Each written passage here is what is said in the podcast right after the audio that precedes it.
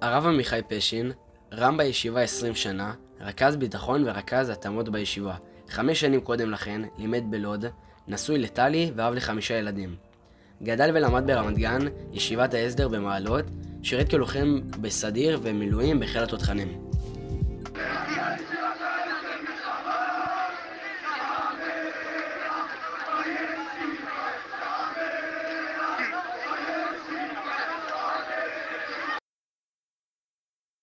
שלום לכולם וברוכים הבאים לפודקאסט, והיום אנחנו פה עם אה, הרב פשין. שלום הרב פשין. שלום, שלום, מה שלומכם? אנחנו בסדר, והרב פשין, אז אתה איתנו בעצם בישיבה פה כבר 20 שנה אתה רם. נכון. ועכשיו, אה, אתה יודע, אחרי כל כך הרבה זמן, רציתי לשאול אותך, מה, לא משעמם? לא... יש כאילו כמה דברים כבר אפשר לעשות. זה מה שיפה בחינוך, שאף פעם לא משעמם. כל שנתיים מתחלף דור, כל שנה-שנתיים זה אתגרים חדשים, תלמידים חדשים. כל פעם שאתה חושב שראית הכל, מגיע, מגיעים דברים, מגיעים אתגרים שלא צפית, לא חשבת שהם יקרו, והם קורים. ואנחנו צריכים אה, להיות אלה שמכשירים את הדור הבא לחיים האמיתיים, לחיים של, של עולם המבוגרים. התפקיד שלנו זה לבנות תלמידים אה, שיצאו לעולם הבוגר עם מספיק כלים, עם מספיק ערכים, כדי להתמודד עם כל מה שהעולם אה, מזמן להם אחר כך. טוב, אז אה, בגלל שהיית כל כך הרבה זמן בישיבה, אז ספר לי, מה אתה זוכר מהישיבה של פעם? אני אגיד את זה ככה, אנחנו היום במקום הרבה הרבה הרבה יותר טוב ממה שהיינו בשנים הראשונות של הישיבה. בשנים הראשונות לא היה סדר. היה כאילו חופש, אבל היה בעיקר בלאגן. מאז שהרב חגי, לפני עשר שנים נכנס בערך, הרבה מאוד דברים השתנו והשתנו לטובה.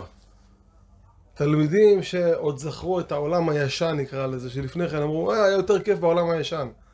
אבל אמרתי להם, בסופו של דבר, גם אתם מבינים שלהיות במקום שהכל בו מבולגן, אז גם בראש יש בלאגן.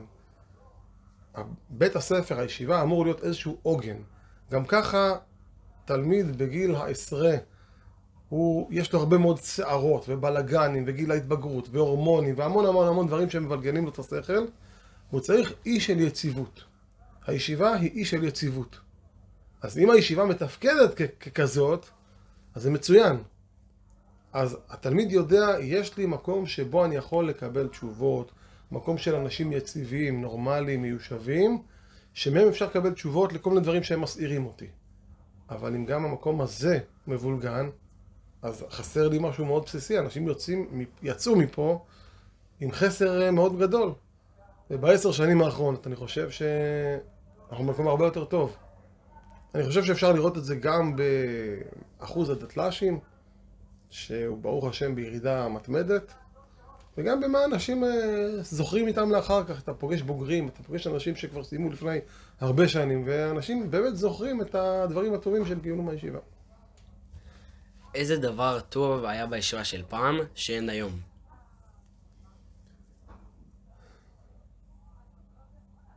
אני לא חושב. לא חושב שיש משהו טוב שהיה פעם שאין אותו היום. מה שעשה הרב חגי בחוכמה, היה בעצם לקחת את הדברים הטובים ולהמשיך אותם. הוא לא ביטל דברים טובים, אלא על גביהם יכניס עוד דברים חשובים אחרים לבסיס של החיים בישיבה. את הסדר והמשמעת הוא החזיר ממה שלפני כן לא היה, פשוט תחזיר את זה. אמר, תלמיד, יכול, אפשר לשמור על קשר אישי, על אווירה נעימה, על אווירה סחבקית, אבל עם גבולות של סדר ומשמעת. שבלי זה אי אפשר לבנות שום דבר. טוב, רציתי לשאול אותך, לפני שאתה הרבה זמן אה, מורה לאזרחות, בנוסף לזה שאתה רם, ורציתי לשאול אותך, אה, מה דעתך על הממשלה של היום? אה, אני יכול לדבר רק על זה עכשיו עשר שעות, אני אעשה את זה בחצי דקה. ממשלה שלעניות דעתי היא לא לגיטימית, היא הושגה בגניבה, גניבת קולות. כל מה שמאחד את הממשלה הזאת זה רק לא ביבי, ורואים שמבחינה מדינית, כלכלית, ביטחונית ומכל הבחינות, היא לא מצליחה. אי אפשר לנהל ממשלה כשאתה ראש הממשלה שהוא מיעוט. כל שר עושה בממשלה מה שהוא רוצה, ואתה לא באמת יכול להשפיע ולאיים על השרים שלך. ככה אפשר לבנות מדינה. אה, אני ממש מסכים איתך בקשר לזה, ובנוסף, אה, מה דעתך על אה, מתנגדי החיסונים? שיש עליהם דין רודף. זה משפט חמור מה שאני אומר, אבל אנשים שלא מוכנים להתחסן, פוגעים לא רק בעצמם, אלא גם בי ובך. מי שיש לו דין רודף, אני לא אומר שחס וחלילה לפגוע בהם, כן? אבל uh, צריכים להגיד להם, אתם צריכים להיות מוקצים.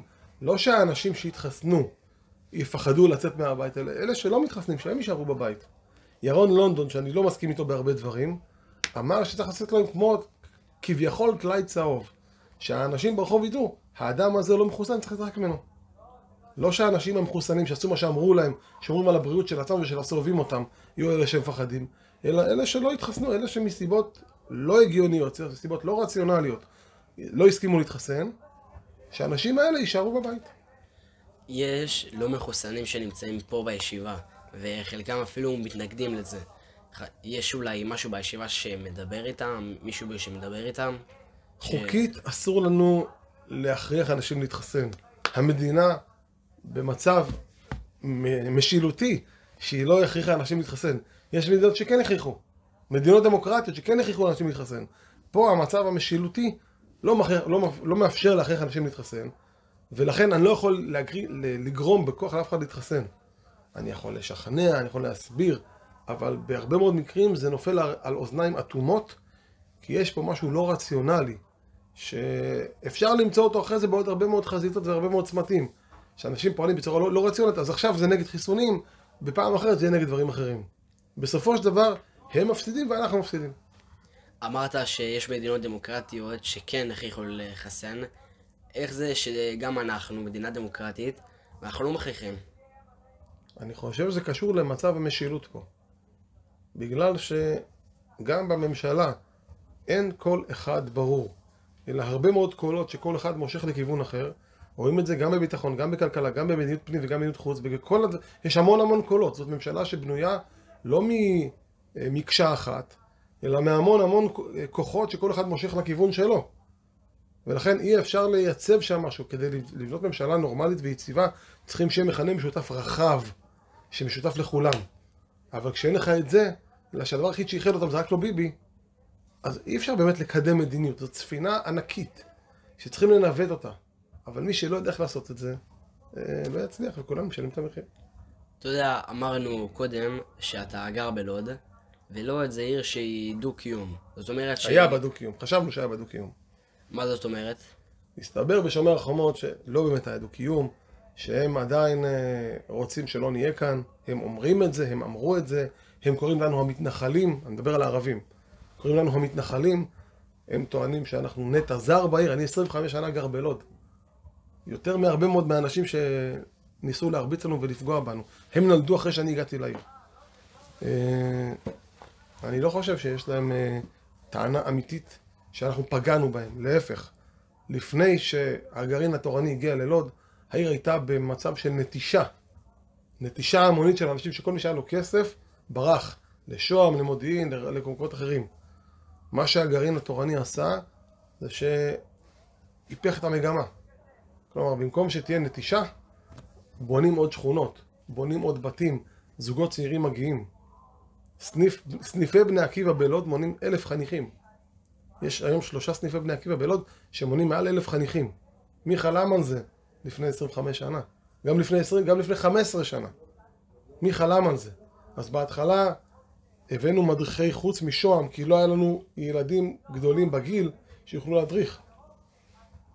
וברוך השם, היום אנחנו מייצאים מדריכים לסניפים אחרים, כי ברוך השם יש לנו אה, נוער נפלא ונוער גדול שמוכן להתנדב, מוכן להשקיע, וברוך השם יש במה להתגאות. אתה מאמין שיהיה דו-קיום? לא. למה? לא יכול להיות דו-קיום עם אנשים שרוצים להרוג אותך. אפשר לעשות שלום כמו שעשינו עם מצרים, כשגם הצד השני רצה שלום אמיתי. פה האנשים האלה רוצים להרוג אותך. בכל עימות איתם אתה רואה איזה, באיזה צורה חייתית הם מתנהגים, גם כלפי עצמם. איך הם מתנהגים אחד לשני. כל המלחמות כנופיות, כל הרצח על כבוד המשפחה, הדברים האלה זה לא דברים של חברה נורמלית ובריאה. זה דברים של חברה חייתית וברברית. עם ברברים אי אפשר לעשות שלום.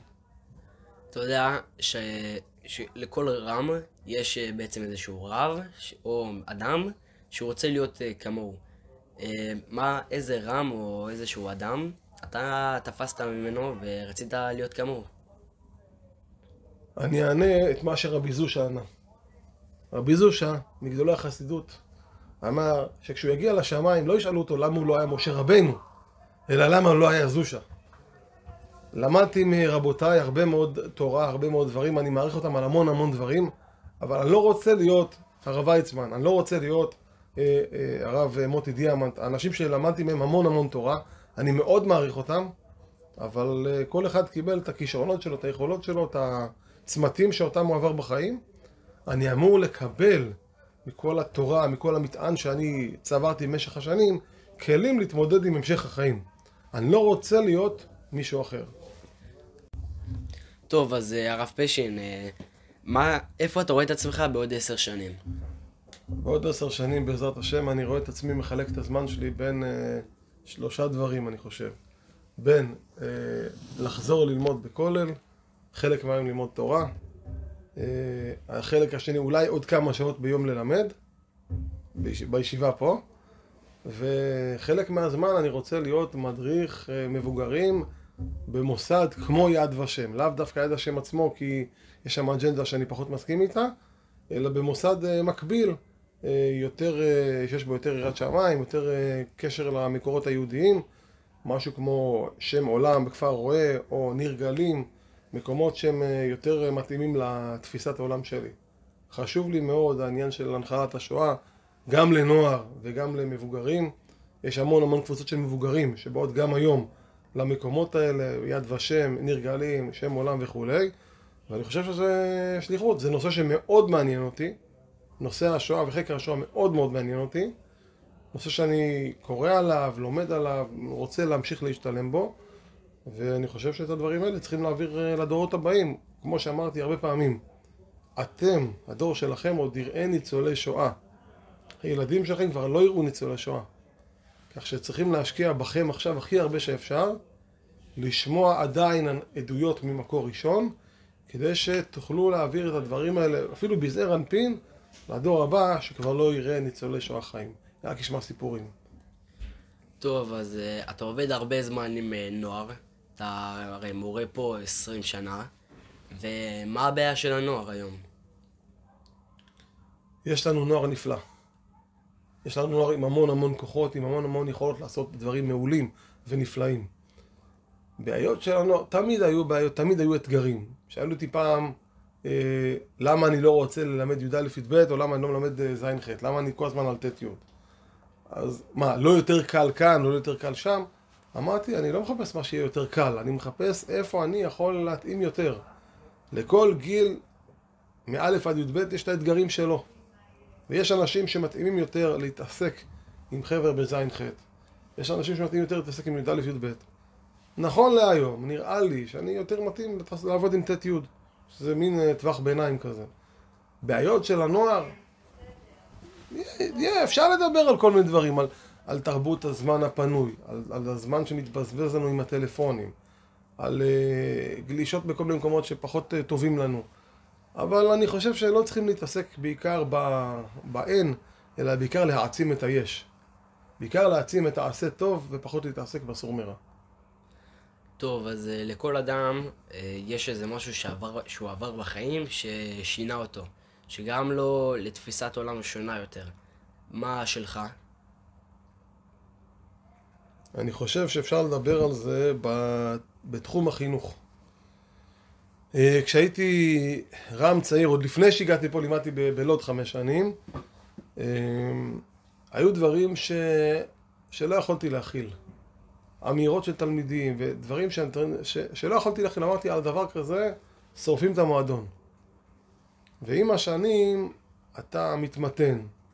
אתה מגיב קצת יותר מהראש ופחות מהבטן, ואתה מבין שבהרבה מאוד מקרים מה שאתה ראית עכשיו זה רק קצה הקרחון.